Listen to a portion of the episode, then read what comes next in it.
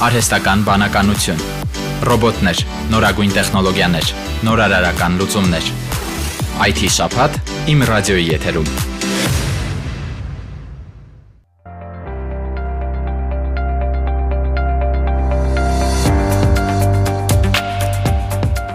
Արմատ նոթում առաջատար տեխնոլոգիաների ձեռնարկությունների միությունը նոր կրթական ծրագրով է ներկայացել անօթաչու թռչող սարքերի նախագծման, պատրաստման, տեխնիկական սպասարկման ու կառավարման կրթական ծրագրերի մեկնարկը կտրվի այս տարվա գարնանը։ Նախատեսվում է հիմնել 65 կրթական աշխատանոցներ Հայաստանի ու Արցախի բոլոր քաղաքներում։ Երևանում կներդրվեն 14-ը, Գյումրիում եւ Վանաձորում 3-ական լաբորատորիաներ։ Արմատ կրթական ծրագրի ղեկավար Սետրակ Վարդանյանը նշում է, որ յուրաքանչյուր աշխատանոցում կգործի 3 խումբ եւ դրանցից յուրաքանչյուրում կպատրաստվի միջինում 27 սան, իսկ տարեկան սաների թիվը կհասնի 1750-ի։ Կրթական դասընթացը կտևի շուրջ 1 տարի։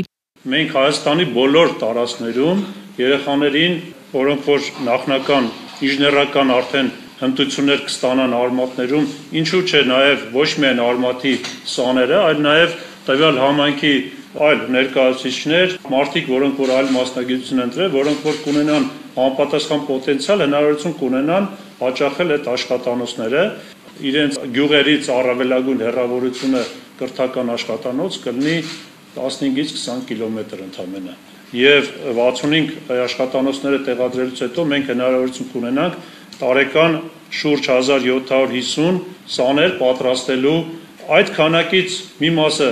կգնան ժամկետային ծառայության, այսինքն հաշվենք մոտարապես 1300-1400 հոգի, այսինքն առնվազն մենք երկու տարվա ընթացքում մենք բանակին կտանք 18 տարեկանը լրացած շուրջ 2500 տղաներ պատրաստված։ Այդ տղաները, ինչպես նաև այն ուրեմն աղջիկներն ու տղաները, որոնք որ չեն գնա ժամկետային ծառայության, նաև կարող են ընդգրկվել տեխնոլոգիական ձեռնարկությունների ոլորտ, ինչպես նաև կարող են ստեղծել համախոներով ստարտափ ընկերություններ առանձին։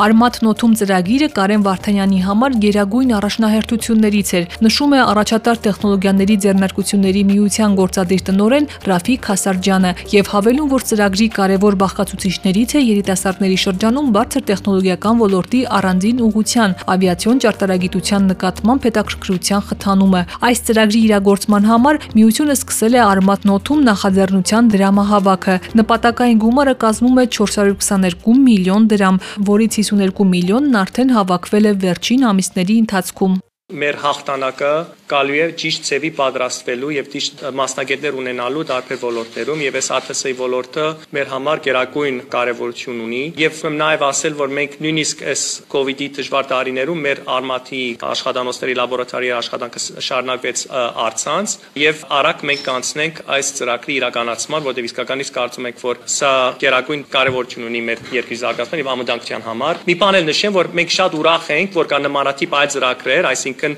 երիտասարդներին ATS-ների, ասենք հմտությունները սովորացնելու եւ մի բան եմ ուզում նշել, որ հիմնականում այդ ծրագիրները լինում են կոպտերային ATS-ների տարբերակով, ինչպես տեսնում եք մեր արչեվը, բայց մեր ծրագիրը նաեւ ունի թևավոր ATS-ների, բան ասենք տեխնիկական պատրաստումը եւ վարումը եւ տեխնիկական սպասարկումը, որտեղ կարծում ենք, որ այդ երկուսն էլ միասին գծածկեն ընդհանուր խնդիրները, որ ATS-ների համար տրվել են եւ մեր արչեր տրված են, թե ռազմական, թե ոչ ռազմական նպատակներով։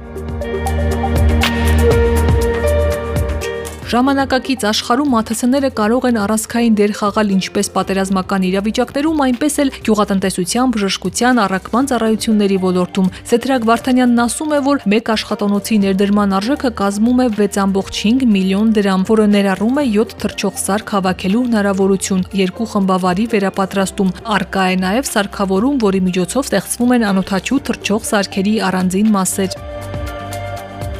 Արցախյան պատերազմը ցույց տվեց, որ տեխնոլոգիական առումով հետ ենք մնացել։ Պետք է աշխատել ապագայի համար ոչ միայն զենքի տեսակներ, այլև զորամիավորումներ, արհեստական ինտելեկտով աշխատող զինատեսակներ ստեղծել։ Առաջատար տեխնոլոգիաների ձեռնարկությունների միությունում նախատեսում են արդեն հաջորդ տարի կազմակերպել ԱԹՍ-ների ուղղությամբ առաջին տեխնոլոգիական ճամբարը։ Ակնկալվում է 25-ից 30 թիմի մասնակցություն իրենց անօթաչուներով։